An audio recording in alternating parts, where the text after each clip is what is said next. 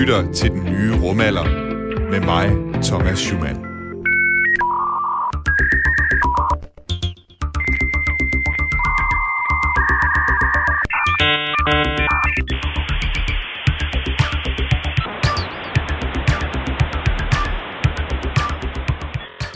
Dit internet, det kommer fra et kabel. Det kan godt være, at du har trådløst internet derhjemme, men det trådløse internet er stadig forbundet med et kabel hen i væggen. Så når det er, at du skal bestille noget fra Amazon, så går der altså en direkte forbindelse fra din router ud til Vesterhavet, hele vejen under Atlanterhavet og op på det nordamerikanske kontinent, tværs gennem Bibelbæltet, ud til det vestlige Amerikas ørkner, og så ud til Amazons server i San Francisco. Jeg synes, det er vildt at tænke på, at en af de største teknologiske bedrifter, internettet, som vi bruger hver dag, det beror sig på noget så simpelt som kabler, der er trukket på kryds og tværs over verdenshave og kontinenter og forbinder hele jordkloden. Jeg har hørt mange, som faktisk tror, at internettet det kommer fra rummet.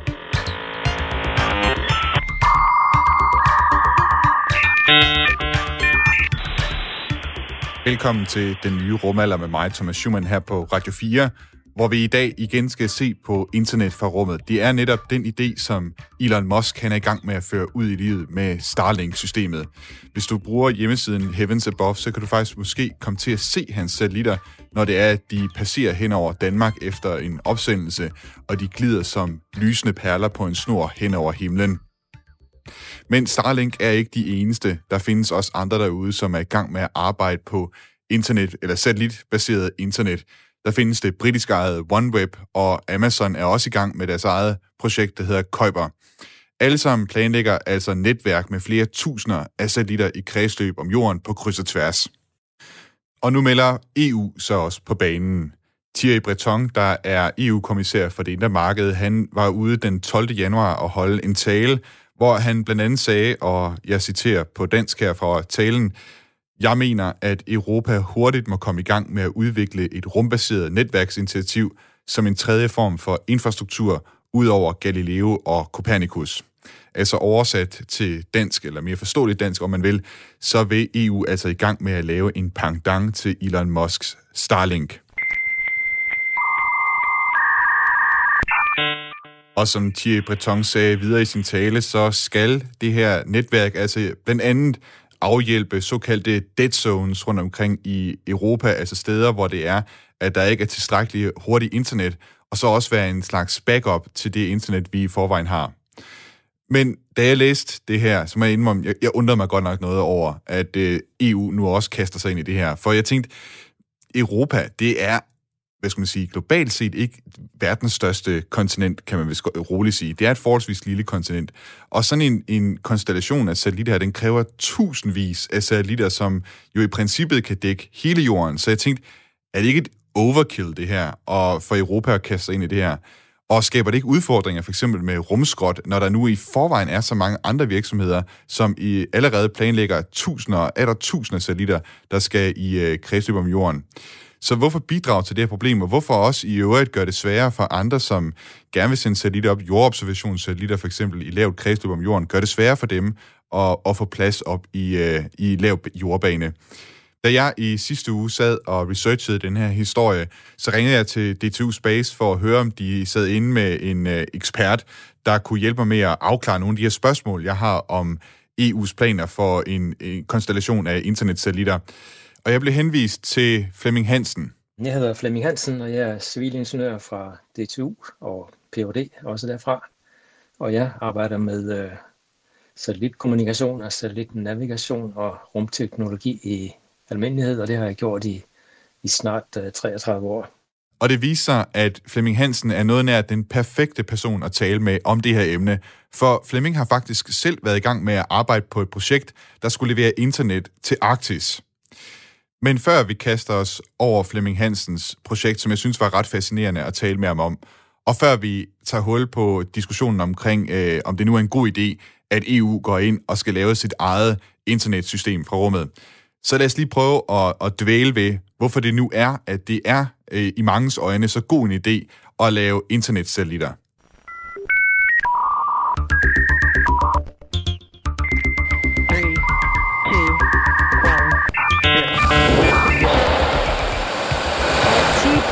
Plus 40 seconds, we've got a beautiful view of Falcon 9 successfully lifting off. Entry is nominal.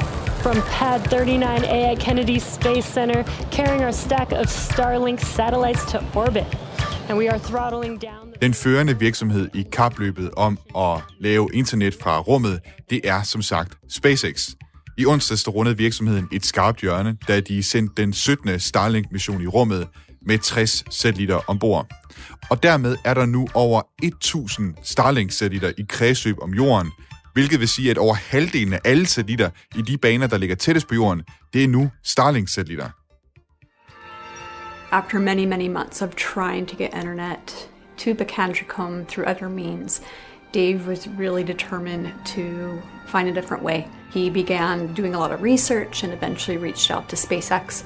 They went back and uh, they got the approval, and they came back to me and said that uh, Bacandricum was going to be the first uh, SpaceX Starlink flying. I forbindelse med SpaceX's opsendelse i onsdags, der viste de i deres livestream et eksempel på, hvordan deres Starlink-system altså kommer folk hernede på jorden til gode. De havde lavet et lille indslag med et, en af deres første kunder, som er Pikenchicum First Nation. Det er navnet på et øh, indianerreservat, der ligger i Kanada. Og det ligger altså ude midt i den kanadiske ødemark, hvor det har været alt for dyrt at trække bredbåndsforbindelser øh, ud. Og derfor så har internethastigheden været begrænset til jamen, omkring 60 kilobyte, altså ikke noget, du kan se Netflix med. Up until Thursday of last week, you couldn't get a college education from Bacandricum. You, you can now. That access to that information. Um, allows them to change the world and, and shape their path and future. This is a monumental deal. I mean, for the community of Picangicum to be able to have Med så ringe en internetforbindelse, så var indbyggerne i Picanticum altså afskåret fra mange af de muligheder, som vi tager for givet os, der bor i store byer. Men med SpaceX's Starlink-system, så kan de altså gå fra at have kilobyte-forbindelse til at have megabyte-forbindelse. Omkring 100 øh, megabyte i sekundet er det, de er oppe på lige nu med deres Starlink-system. Og det er nemlig det, der er hele SpaceX's idé med Starlink. Ikke at forbinde folk, der i forvejen bor i storbyer med bredbåndsforbindelse, men derimod at servicere de mange, faktisk overraskende mange, det er omkring halvdelen af verdens befolkning, som ikke har adgang til bredbåndsinternet. Det er her, at de skal kunne koble sig op på Starlink-systemet. Og det er her, vi vender tilbage til Flemming Hansen og hans idé om at forsyne Arktis med internet fra satellitter. For hvis der er noget område på jorden, der virkelig føler sig afkoblet fra internettet, så er det nemlig de arktiske egne. Det var tilbage i år 2012, at ideen den kom til Flemming Hansen, da han deltog i en konference sammen med det europæiske rumfartagentur ESA og DTU Space. En konference, som handlede om de udfordringer, som forskere og militæret har, når det er, at de opererer i Arktis. Og det, der var fælles øh, for dem alle sammen, det var, at de klagede over, at der var dårlige kommunikationsmuligheder. Altså få data hjem, det var stort set at øh, indspille det på en memory stick eller en, en, øh, en, en eller anden medium, hukommelsesmedium, og så, eller en harddisk, og så tage den i lommen, og så kigge på den, når man kom hjem. Der var ikke, der var ikke nogen mulighed for at kommunikere datamængder i, i, i noget udstrækning. Det var simpelthen hurtigere, synes, det, det var simpelthen hurtigere på det tidspunkt at, ja. gemme det ned på en USB-stik, og så, så sende den på en flyver øh, et ja, andet sted hen. Set, ja. ja. Okay. Det var faktisk den hurtigste måde at få det hjem på. Øhm, og og det, det synes jeg, det var, det var for dårligt. Og, og, og udover de klagede over alt som, at, at der var dårlig kommunikation, der var ingen, der så havde taget op, jamen hvad skal vi så gøre ved det? Øhm, og det, det, det kan ikke passe. Der må, der, må, der må ske noget, der må ske et eller andet. Og øh, noget af det, der er udfordringen i Arktis at levere kommunikation, det er, at du skal investere en frygtelig masse penge i at få sådan en øh, satellitsystem op at stå. Og så kigger du rundt i horisonten efter kunderne, og de, dem er der ikke ret mange af i Arktis. Det er jo et uhørt tyndt befolket og et kæmpestort område.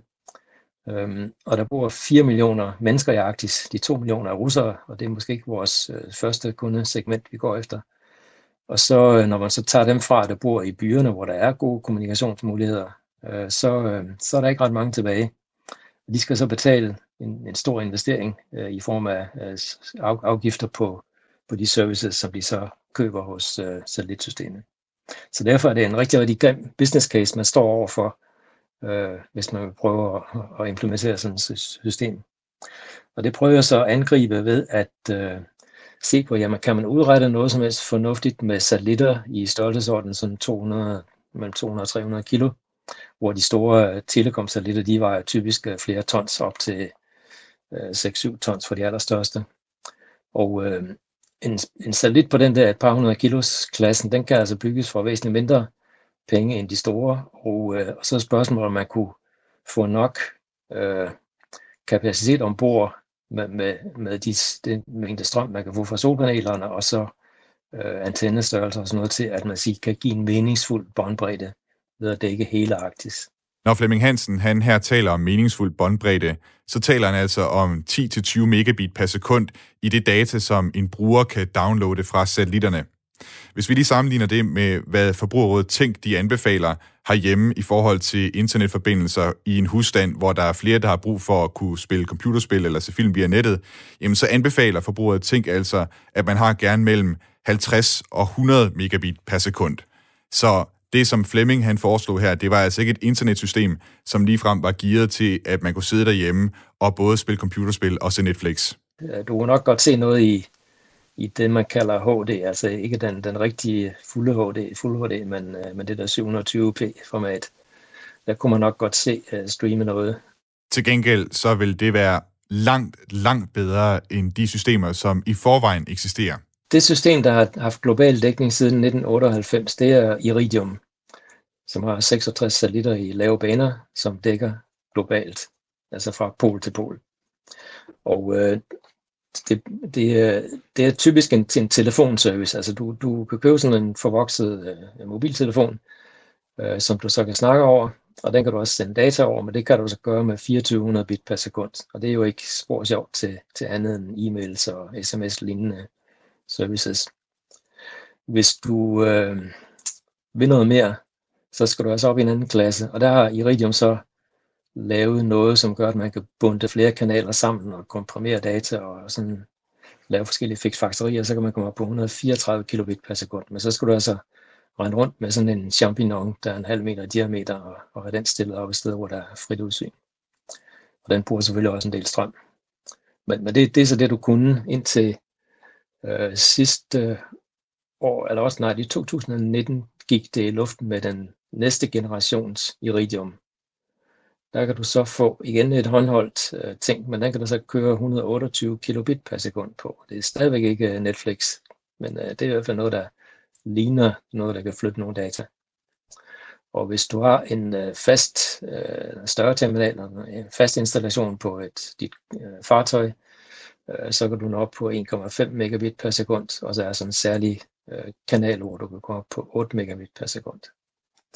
Øh, hvad det koster, ved jeg ikke, men det er i hvert fald dyrt. Det kan jeg se på de prislister, jeg kan finde rundt omkring på nettet. Så det igen, du skal ikke tro, du får et Oyster-abonnement, der dækker Arktis til den pris, som Oyster eller andre lignende mobilselskaber sælger deres abonnementer til. Det, det, det er ikke sådan, det spiller. Lad os lige prøve at få udpenslet, hvordan Flemming Hansens alternativ til det eksisterende netværk, det skulle se ud. Flemming Hansen han foreslog altså, at der skulle være fire relativt små satellitter, og derfor også relativt billige satellitter, i et såkaldt Molnier-kredsløb. To af satellitterne det skulle være i reserve til, hvis en af de to andre gik i stykker. Et Molnier-kredsløb, det er et kredsløb, der går fra pol til pol.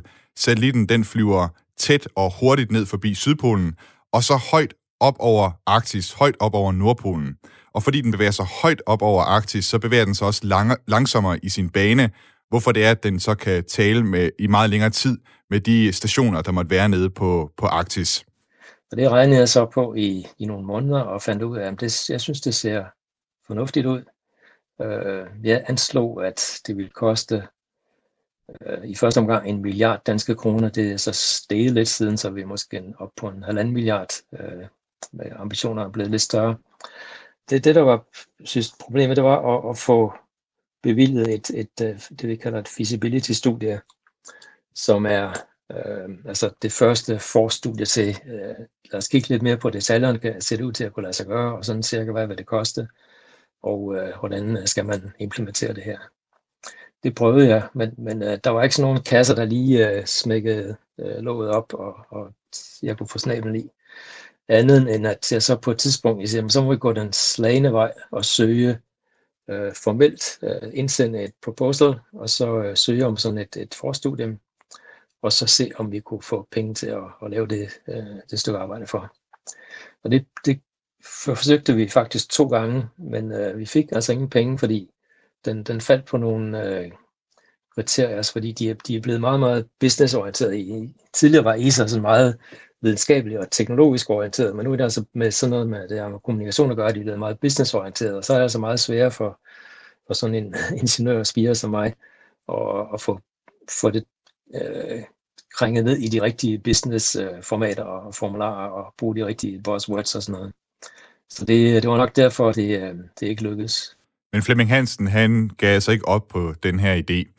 Han tog den med tilbage til Danmark, og i 2016, der fik han samlet en gruppe af folk fra de nordatlantiske teleselskaber. Det er Telepost Grønland, Siemens fra Island og Færø Tele fra Færøerne. Den danske forsvarskommando og forsvarsministeriet, de var også med i den her gruppe, der arbejdede videre på ideen. Et, et system som det, jeg gerne ville bygge, det øh, er i hvert fald uhyre svært at få til at hænge sammen på ren kommersiel basis. Men hvis vi kan få nogle store institutionelle kunder som øh, forsvaret ind, øh, så kunne vi få en, ligesom en, en, øh, en, en basis øh, omsætning, som så kunne gøre, at så kunne man bedre øh, øh, få det andet, øh, et kommersielle del til at, at spille, når der er været i, i luften et stykke tid. Men hvis vi ikke har sådan en stor basiskunde fra starten, så er det altså rigtig, rigtig svært at, at overbevise nogen om, at man skal putte penge i det. Forsvaret var ganske vist interesseret, men øh, de var ikke så villige, når det så kom til, til at skulle skrive under på et stykke papir med en eller anden øh, forpligtelse. Øh, og der siger de, ja, men vi har ingen bevillinger, og vi er ikke sådan lige, og vi kan ikke sådan lige øh, ryste op med de penge, og, og sådan, sådan der. Og, og i øvrigt så kan vi ikke øh, betro øh, vores øh, taktiske og strategiske kommunikation til sådan et system, fordi det ikke er et militært system, så det er kun sådan det, de kalder velfærdskommunikation, de kunne øh, sige, at det kunne de bruge det til. Det, det, var sådan en, det var sådan en venlig interesse, så længe det ikke var forpligtende. Øh, men så snart vi begyndte at snakke penge, så, så begyndte det at, at, ligesom at gøre ondt ned i lommerne på den, og så, så var de ikke så villige til at, at, at gå ind i det. Og, og, og der, der er vi jo i, i skarp modsætning til, øh, til nordmændene, fordi de har jo lavet et lignende projekt øh, udført gennem det firma, der hedder Space Norway, som er et statsejet firma, nært knyttet til det norske rumcenter, som øh, har til opgave at udvikle og drive norsk ruminfrastruktur. Og de har lavet en øvelse, der ligner vores, og øh, haft folk til det, der har fået penge for det. Altså vi har ikke fået en rød eje, vi har betalt det hele selv, også de rejser, der har været nødvendige i forbindelse med projektet. Og, øh, og de har så øh, fået lavet et koncept, der går på, at øh, de opsender to satellitter i de her specielle højelliptiske baner. De er, øh, norske militær har en, en øh, system ombord. Øh, det US Air Force har et, et system, eller en payload, som vi kalder det, ombord. Og så har det britiske Inmarsat satellitfirma også fået øh, payloads ombord. Så deres systemer kan udstrækkes til at dække også øh, Nordkalotten, altså hele det arktiske område, og komplementere det system, de har, der dækker de lavere breddegrader. Hvad føler du, at Danmark er gået glip af ved ikke at kaste sig ind i det her projekt? Jo, men altså, vi, vi kan jo øh, altså, vi kan jo købe os ind på, altså købe en terminal til Inmarsat, hvis vi vil. Vi kan købe en, en øh, måske øh, komme med på det norske militærsystem. Det kan det danske militær måske, og der har været kontakter mellem det danske, danske militær og det nordmændene der på Space Norway. Jeg ved ikke præcis, hvad der er kommet ud af det, men, men selvfølgelig kan man købe sig ind på systemerne. Vi har også købt os ind på de amerikanske øh, militære kommunikationssystemer. Og så får man selvfølgelig de services, de kan levere, men man får ikke nogen indflydelse på, hvad det er, man får.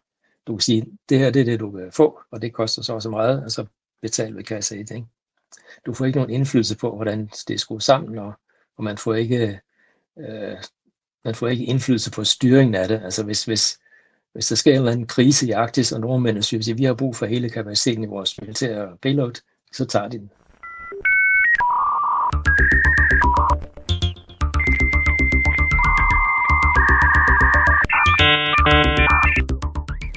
Jeg synes, den her historie, den øh, endnu en gang viser, at vi måske her i Danmark har det med at være lidt langsom på aftrækkeren, når det handler om at investere i rumfart, mens at vores skandinaviske brødre og søstre, de har det med at være noget mere ops på, hvilken strategisk betydning rummet det også har. Nå, men nok om internet i Arktis. Altså hele grunden til at komme omkring den her historie og støtte på Flemming Hansen, det var fordi, jeg ledte efter en ekspert, som kunne hjælpe mig med at blive klogere på, om det er en god idé, som Thierry Breton, altså EU's kommissær for det indre marked, når han foreslår, at EU også skal kopiere det, som SpaceX er gang i med Starlink. Og vi hører Flemming Hansen og hvad han har at sige til det lige om lidt. Men først så tænkte jeg, at det kunne være spændende at vide, hvor stor opbakning der er blandt de danske medlemmer af Europaparlamentet for den her idé, som Thierry Breton han er kommet med. Asger? Ja, der var Asger, du taler med Thomas Schumann fra Radio 4. Jeg ringer lige lidt tidligere. Her var det Venstres medlem af Europaparlamentet, Asger Christensen, der tog telefonen. Vi har mange, mange, mange sorte områder rundt i hele Europa, der slet er med på den digitale, den digitale platform nu. Og, det, øh, og det, det synes jeg, at det er godt, at fællesskabet de tager sig det ikke på, fordi at, øh, jeg er sgu lidt bekymret, undskyld, det man sige, men jeg er lidt bekymret, hvis nu at det er kinesiske selskaber, der skal, øh, der skal styre vores digitale platform. Så derfor øh, er jeg øh, meget, meget øh, også på, at vi kan lave et privat, øh, privat offentligt partnerskab på det. Så det lyder som en øh, ja-stemme fra dig øh, en gang? Ja, det gør det. Det gør det. Helt, okay. helt, helt sikkert. Jeg er slet, jeg er slet i tvivl. Overhovedet Jeg blinker ikke engang med øjnene på det. Jeg var lidt overrasket over, at der var så stor opbakning til den her idé, og ikke kun fra Asger Christensen. Det var nær sagt alle de Europaparlamentsmedlemmer, jeg ringede til, som udtrykte begejstring for den her idé. Prøv at høre, hvad Kira Peter Hansen fra SF hun sagde. Øh, vi ved jo ikke helt, hvad det indeholder endnu, men jeg synes, det er en vigtig diskussion, når vi taler øh, sådan forsyningssikkerhed, også digital infrastruktur, øh, og også det geopolitiske aspekt af, at når øh, Kina og Rusland og en række andre lande jo virkelig rykker på det her, at så er der også et behov for, at vi fra europæisk side begynder at rykke på det, så vi ikke ender med at være afhængige øh, af andre lande. Altså jeg må indrømme, at da jeg først hørte om det her, så synes jeg altså, det lød noget mærkeligt, at EU også skulle kaste sig ind i det her. Så nu ender vi ved konklusionen, kan man sige, på, på denne halvdel, der handler om øh, satellitforrummet og om EU skal kaste sig ind i det her. Øh, og facit, det bliver altså Flemming Hansen, der prøver at trække to streger under, hvorvidt øh, han som en, der har arbejdet med det her i mange år, om han synes, det er en god idé for EU at kaste sig ind i det her. Andre lande har jo områder, hvor der er, er tyndt befolket, og der, der er det uhyre svært at få dækning med noget, der, der er, er reelt der bredbånd. Og øhm, så, så derfor er der de der the digital divide, som man kalder det, hvor øh, der er nogen, der har bredbånd, og så er der dem, der ikke har det, og nok heller ikke får det, hvis det bliver på rent kommersiel basis øh, med, med, øh, med øh, udrulning af øh, 4G, øh, mobiltelefoni og, og fibernetværk. Øh, men så satellitterne kan jo dække overalt, og, øh, og det, det er jo det dejlige ved dem. Til gengæld så koster det en frygtelig masse penge at sende systemet op. Øh, men, men det, det der også gælder, øh, som, som, øh, øh som EU nu har indset, øh, og det, det startede jo den der europæiske bekymring omkring teknologiudvikling, at den øh, sker hen over hovedet på os, den, den har jo eksisteret også, det startede i, for alvor først med øh, Galileo, så lidt navigationssystemet, hvor man sagde, at jamen altså, GPS fungerer jo fint, også i Europa og i hele verden, men det er et system, der er under kontrol af US Air Force, og hvis de synes, at de vil have det for, for dem selv, ja, så slukker de for det civile del af systemet, og så øh, beholder de øh, de militære selv, så, så deres øh, væbnede styrker stadigvæk har navigation, selv præcis navigation, men alle andre har det ikke. Og, og, og, og det, øh, den der usikkerhed med, hvornår kan de finde på at slukke for det, øh, det, øh, den kan vi ikke leve med. Vi må have vores eget system. Og så udvikler man Galileo, som er et øh, fantastisk fint system, som er faktisk på nogle punkter er bedre end GPS. Og så øh, ser man jo så igen, nu sker det så også med, øh, med øh, Starlink, øh, Elon Musks øh, SpaceX øh, Starlink-system med 12.000 satellitter, i hvert fald det, der er han i gang med nu. Øhm, men, den, den teknologiudvikling, der sker ved, at, at man laver sådan nogle store konstellationer, det er jo også noget, som går Europa forbi, hvis ikke vi kaster os ind i det. Øhm, hvad, hvad enten det er en god kommersiel idé eller ej, så man siger næsten nødt til at gøre det, fordi ellers så bliver du kørt bagud af, af det der teknologiræs, øh, som de andre kører. Flemming Hansen, du skal have mange tak, fordi du, øh, du vil være med og, og tale om mm. både dit eget projekt der med, med Grønland og Arktis øh, bredbåndsinternet derop til, og så også om øh, det her forslag fra EU-kommissionen. Mange tak, fordi du var med. Ja, velbekomme.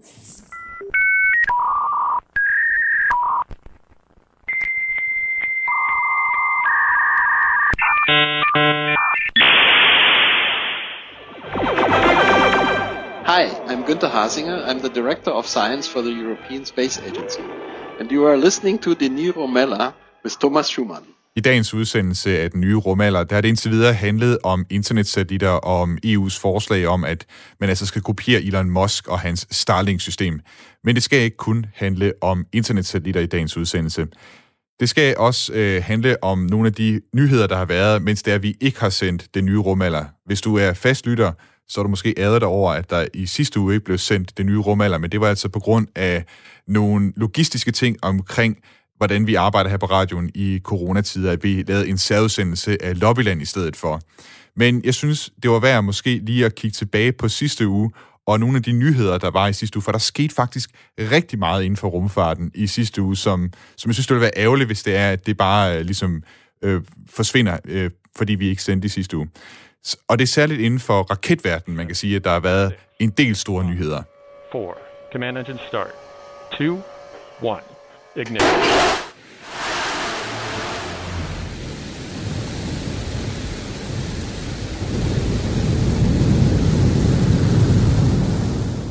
Den 14. januar, der gennemførte virksomheden Blue Origin en test af deres New Shepard-raket. Hvis du ikke lige kan huske, hvem Blue Origin er, så er det altså den raketvirksomhed, som Jeff Bezos, altså manden bag Amazon, han øh, har kørende lidt som et sideprojekt, og hvor de har en plan om på den her New Shepard-raket at være en af de første spillere i rumturismen, eller en af de første hvad skal man sige, private spillere i rumturismen. De har udviklet den her lille raket, der kan sende en kapsel op i rummet, som så falder ned igen. Så det er en kort tur, et kort hop i rummet, der er lidt at sammenligne med det, som Virgin Galactic også er gang i. Og den her test den 14. januar, der siger virksomheden altså, at med den test, så er de efterhånden meget tæt på at kunne sende de første kunder på et hop ud i rummet. Det er måske allerede til april, at de kan gøre det. Kapslen under den her test, øh, den kapsel, der sidder ude på spidsen af raketten, den nåede altså op i en højde af 107 km, og hele flyvningen og også landingen, det varede 10 minutter og 15 sekunder. Og dermed kan 2021 blive det år, hvor vi for alvor ser, at der bliver skudt gang i rumturismen.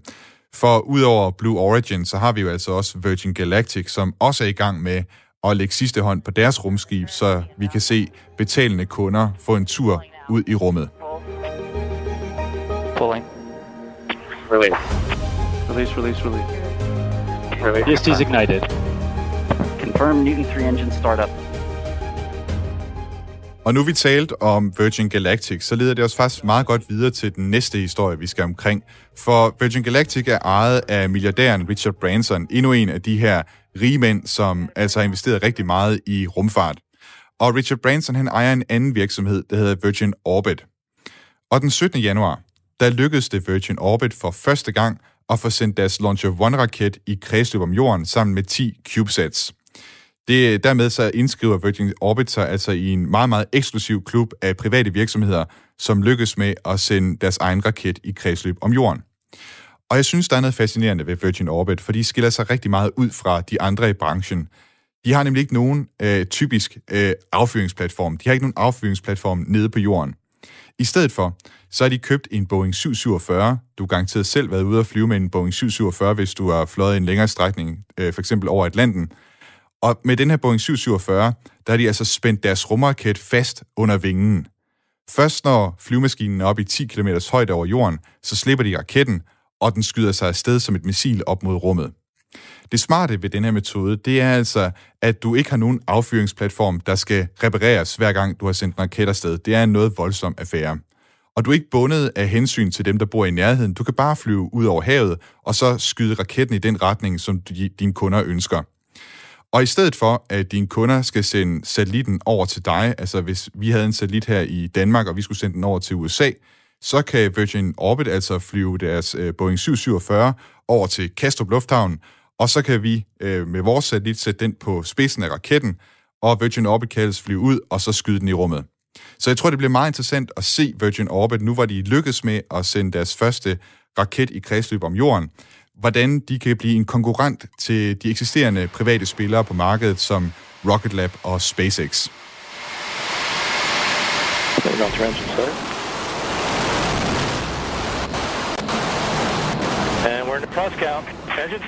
Den næste historie, vi skal kaste os over, den kommer ikke fra den private rumfartbranche. Og historien er heller ikke lige så positiv som de to historier, vi har hørt fra Virgin Orbit og Blue Origin her. Du kan måske huske, at NASA arbejder på sit måneprogram Artemis. Altså NASA vil sende mennesker tilbage til månen, og hvis det havde stået til Donald Trump, så var det sket allerede i 2024. Det kommer nu nok næppe til at ske, men selvom Trump forlader det hvide hus, så fortsætter NASA altså arbejdet med at udvikle den hardware, der skal til for at sende mennesker tilbage til månen. Og i 2021 har de altså planer om at afvikle den første mission. For at det kan lykkes, så skal NASA være helt klar med den kæmpe raket, som skal sørge for at kunne tage mennesker til månen. Den raket hedder Space Launch System.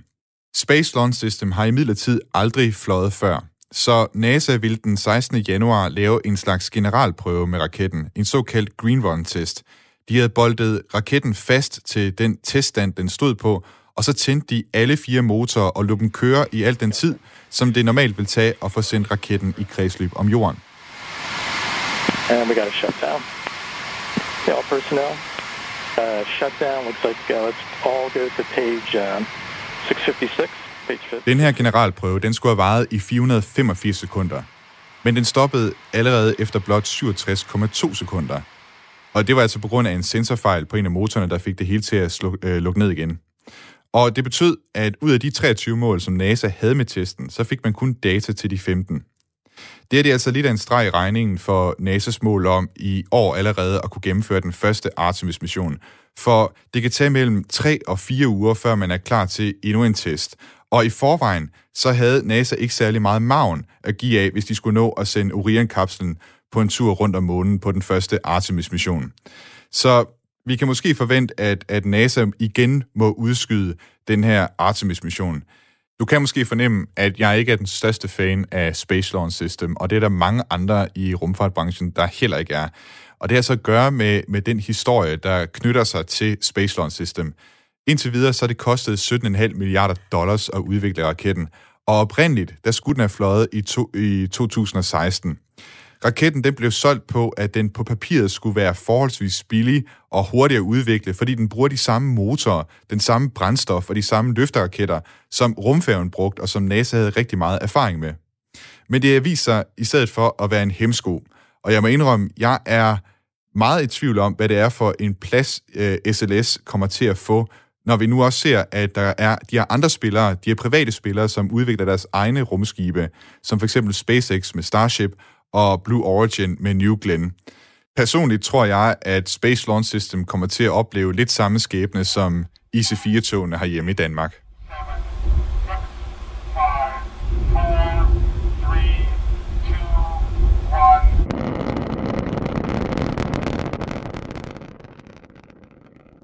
Nu synes jeg, det vil være ærgerligt at slutte den her nyhedsrunde af med en historie om, at NASA ikke kan få deres måneraket til at fungere. Så jeg har taget en lille ekstra historie med, som godt nok ikke har trukket de største overskrifter i rumfartmedierne, men som vi her på den nye rumalder har en vis interesse i.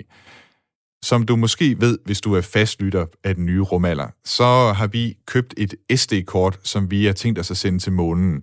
Det skal sendes øh, til månen på Astrobotics månelandingsfartøj Peregrine.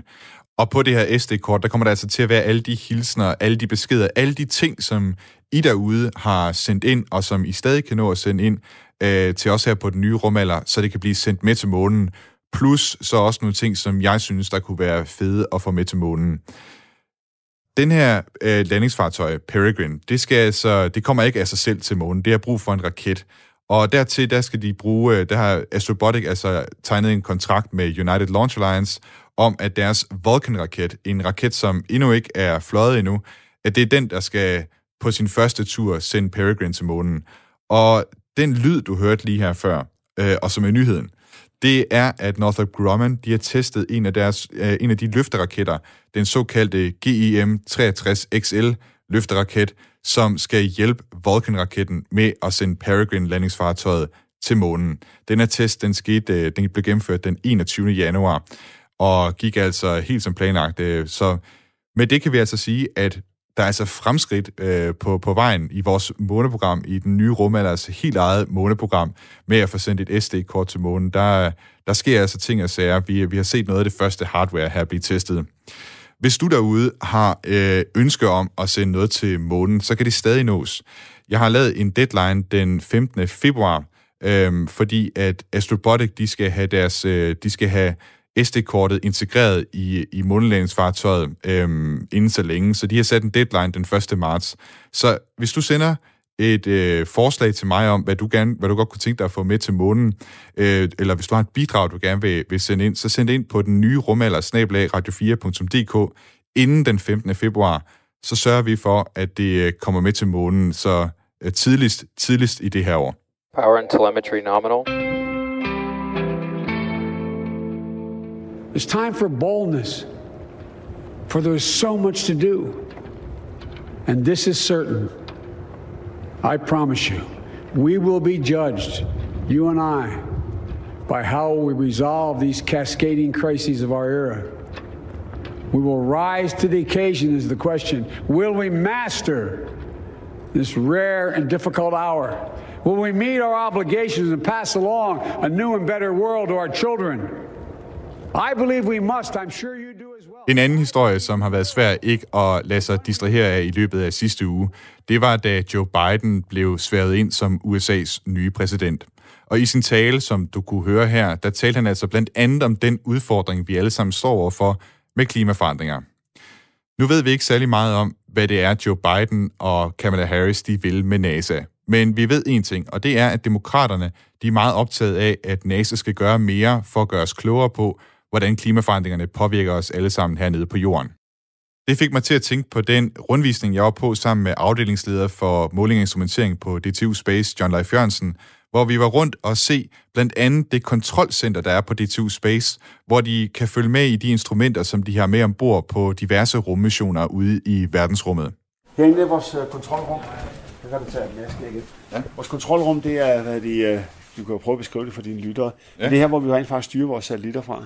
Altså det ligner jo sådan et kontrolrum, som man jo også lidt ser det over fra NASA, måske lidt i en øh, mindre øh, hvad hedder det, størrelsesorden. Altså en masse skrivebord her, og så hvert skrivebord har seks skærme. Det er jo, det er jo egentlig forholdsvis mange skærme. Jamen det er fordi, at øh, sådan en rumfartøj har rigtig mange ting, man skal kunne. Den optagelse, som jeg lavede her, det var egentlig til en udsendelse, der handlede om asteroider. Men nu er John Løf Jørgensen altså et overflødighedshorn, når det kommer til gode rumhistorier. Og da vi var inde i det her kontrolrum, der gjorde han mig altså opmærksom på to missioner, som jeg måske havde hørt lidt om, men som jeg ikke havde tænkt nærmere om, og som jeg synes var super fascinerende for den måde, som det er, at de undersøger, hvordan klimaforandringerne de påvirker os hernede på jorden. Så de næste er henne. Ja. Det er, hvad de, de er, de er så Grace og Grace Follow On. Nu er Grace, øh, hvad de holdt op med, hvad de, de er orbiteret. Så Grace Follow On, det er jo den, der, der måler jordens øh, hvad de, tyngdefelt og vandets cirkulation. Det er altså helt ufatteligt, hvad de satellitter de gør. Det er to satellitter, der, der flyver tandem. Ja.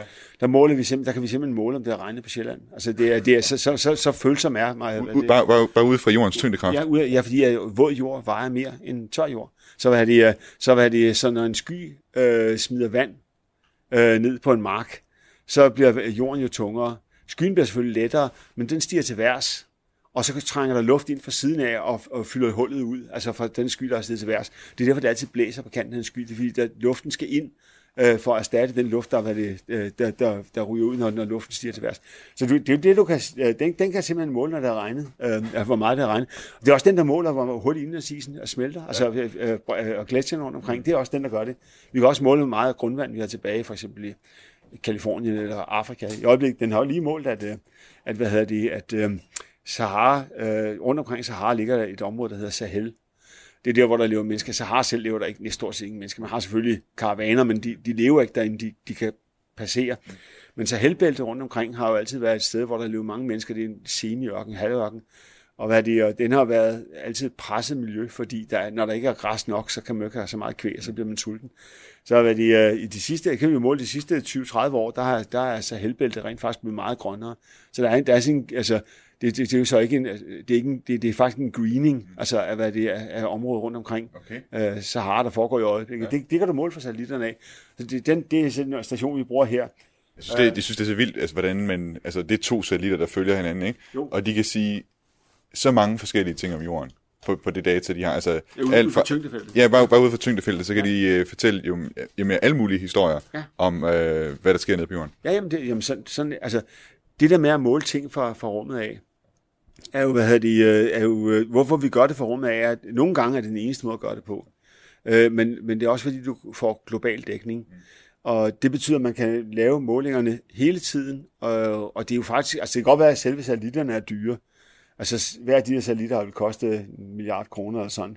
Men hvad havde de, øh, men, men det betyder samtidig, at hver eneste måling bliver meget, meget, meget, meget, meget billigere. I det her tilfælde har du faktisk ikke kunne få de målinger. Så var ingen, der anede, hvor meget is, der smeltede af Grønland, før vi fik de her satellitter op at flyve. Og det er også derfor, at en meget stor del af den forskning, vi laver her, går på netop på krydsfærden, altså hvad sker der på Grønland, og hvad sker der med, jo, altså, med fjellene i det hele taget, og, hvad sker der med grundvandet. Det er jo ret interessant, fordi en af verdensmålene er jo, at øh, vi skulle gerne have rent vand til alle, ikke? Øh, og det kan vi jo så se ikke er tilfældet. Det er, det, det er nogle ret grusomme historier, der i øjeblikket udfolder sig fra det, vi kan måle med, med, med øh, Grace for On her. Øh, en af dem er, at vi kan se, at Indien, øh, i hvert fald nordvestlige Indien, løber tør for vand i løbet af en 15-20 år. Og det er ikke godt. Hold da. Ja, det er skidt, fordi der er en 250 millioner mennesker, der, der begynder at blive tørstige. Så det, det kan man, sådan noget kan du også se, og det betyder, at man i hvert fald kan advare politikerne i tide. Så det, det er sådan en ting, som vi, vi håber, uh, hvad det er, man, hvad, at det kan hjælpe lidt på det. Ikke? Altså, du kan se, hvor svært det er at trænge igennem med Har, har, har, I, øh, har I skrevet en mail til, Åh ja. til Indien? Åh ja. Jeg synes altså, det er helt vanvittigt, hvordan to satellitter kan sige så meget om jordens, røbe så mange historier om, hvad der sker hernede på jorden. Alt fra, at Indien kommer til at mangle vand, og om det har regnet på Sjælland. Og jeg vil gerne lige dvæle lidt mere ved, hvordan det er, de her satellitter, de gør det, for jeg tror ikke, vi kom helt nok ind på, hvordan de rent faktisk kan måle det her. Det er som sagt et par, øh, altså to satellitter, der flyver i tandem rundt om jorden. De flyver med, med 100, eller undskyld, med 220 km afstand mellem hinanden. Og så er der et konstant, øh, hvad skal man sige, et signal, et øh, mikrobølgesignal, som bliver sendt mellem de to satellitter, som måler afstanden mellem dem. Og så skal du forestille dig, at jordens tyngdekraft er ikke den samme overalt på jorden. Når det for eksempel har regnet på Sjælland, jamen så bliver Sjælland lidt tungere. Og det betyder, at, at tyngdekraften trækker lidt mere i den ene satellit end den anden. Og det kan de altså måle med det her signal, de har spændt ud mellem sig, hvor meget der bliver trukket i hver satellit. Og det er jo, det er jo helt vildt små målinger, vi skal tænke på. Det er nogle meget, meget fint følende instrumenter, som kan måle de her meget, meget øh, små forskelle, der er i, i tyngdekraften. Det synes jeg altså er helt vanvittigt, at, at det er noget, vi er i stand til i dag. Og så hørte du måske også øh, John Leif Jørgensen nævne et begreb, som vi skal tale lidt mere om i det næste klip, vi skal høre.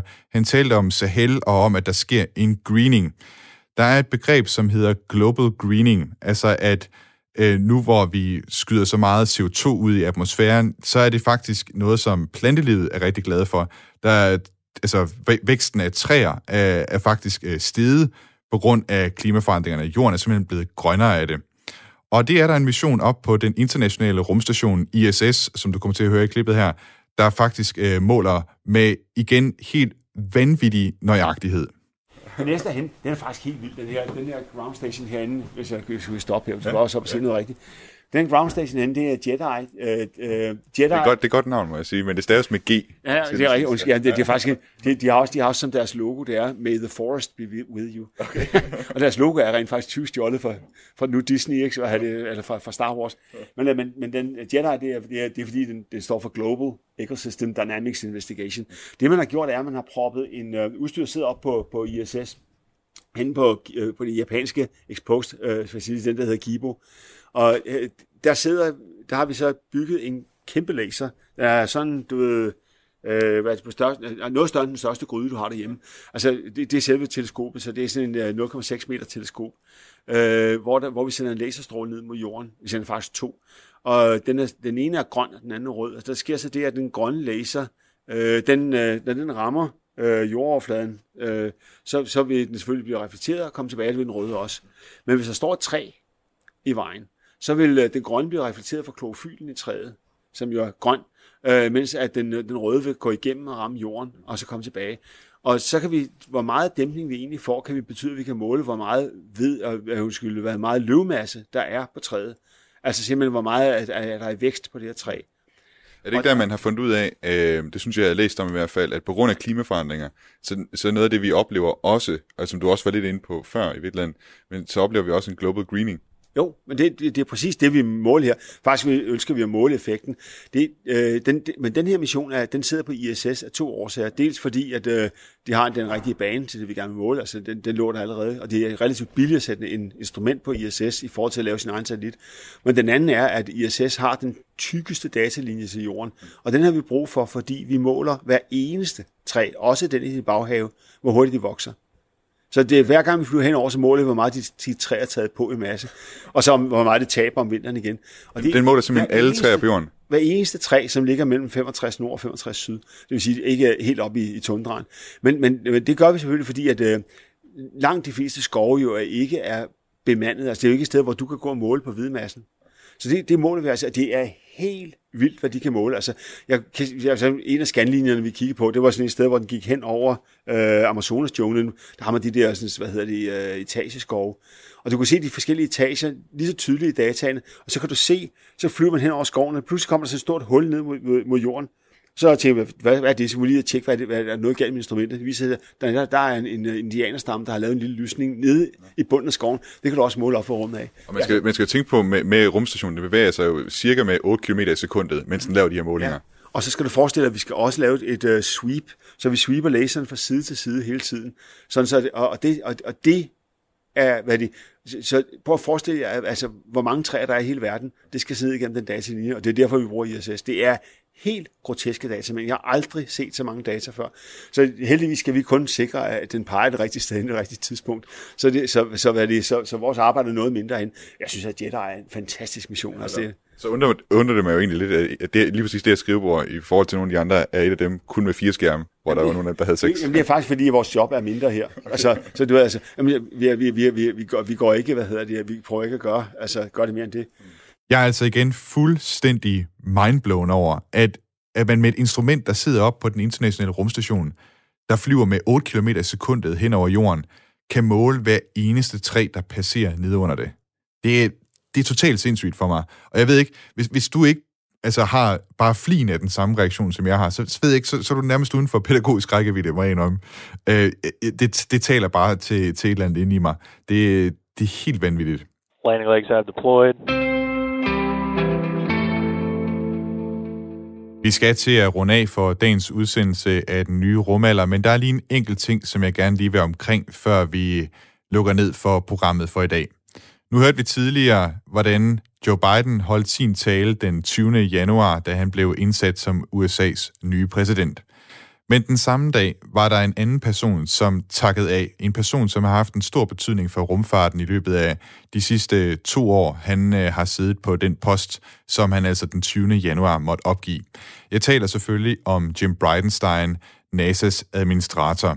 So I just want to say to everybody what an amazing experience it has been.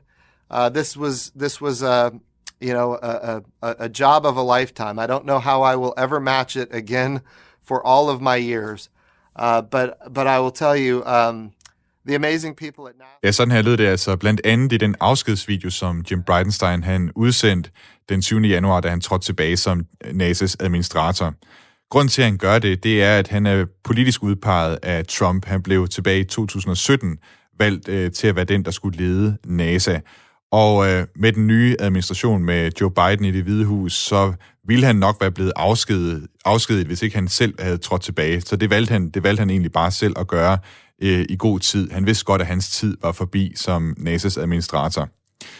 Nu er spørgsmålet så, hvem der kommer til at være den næste person på posten, og det jeg har kunne læse mig til, det er, at der går nogle rygter på, at det, øh, det kunne være, at det bliver en, en kvinde. Det vil være første gang i NASA's historie, at det er en kvinde, der leder, der leder NASA.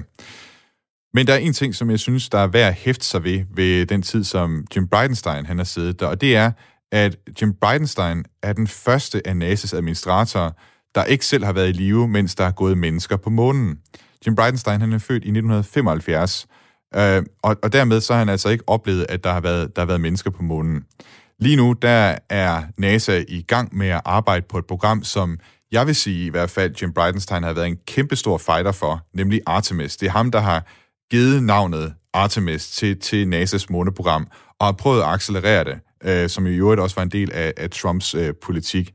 Så man kan håbe, at den, der kommer til at sidde på posten fremover, vil, vil fortsætte det arbejde og sørge for, at vi snart igen kommer til at se mennesker lande på månen. Det var alt, jeg havde til dig i dagens udsendelse af den nye rumalder, men bliv hængende på kanalen, øh, eller i hvert fald tune ind igen klokken 2, når det er, at min kollega Maja Hall sender kreds. I øh, dagens udsendelse af Kreds, der tegner hun et portræt af Elon Musk, nu hvor det er, at han er blevet verdens rigeste mand. Jeg tænker i hvert fald, at jeg skal lytte med til, til programmet. Den nye rumalder ændrer sendetidspunkt, så næste gang du kommer til at lytte til den nye rumalder igen, det bliver altså torsdag den 4. Øh, februar. Så øh, sørg for at tune ind til programmet der, når vi sender mellem 10 og 11. Og ellers så kan du øh, som altid finde tidligere udsendelser på Radio 4's hjemmeside, på Apples podcast player og på Spotify. Hvis du har ris, ros, kommentar eller andet feedback, du vil sende ind til os her på Den Nye Rumalder, så send det ind på den nye rumalder radio4.dk. Indtil vi lyttes ved igen, Ad Astra. It's about believing in, in the future and, and, thinking that the future will be better than the past. Um, and I can't think of anything more exciting than going out there and being among the stars. That's why.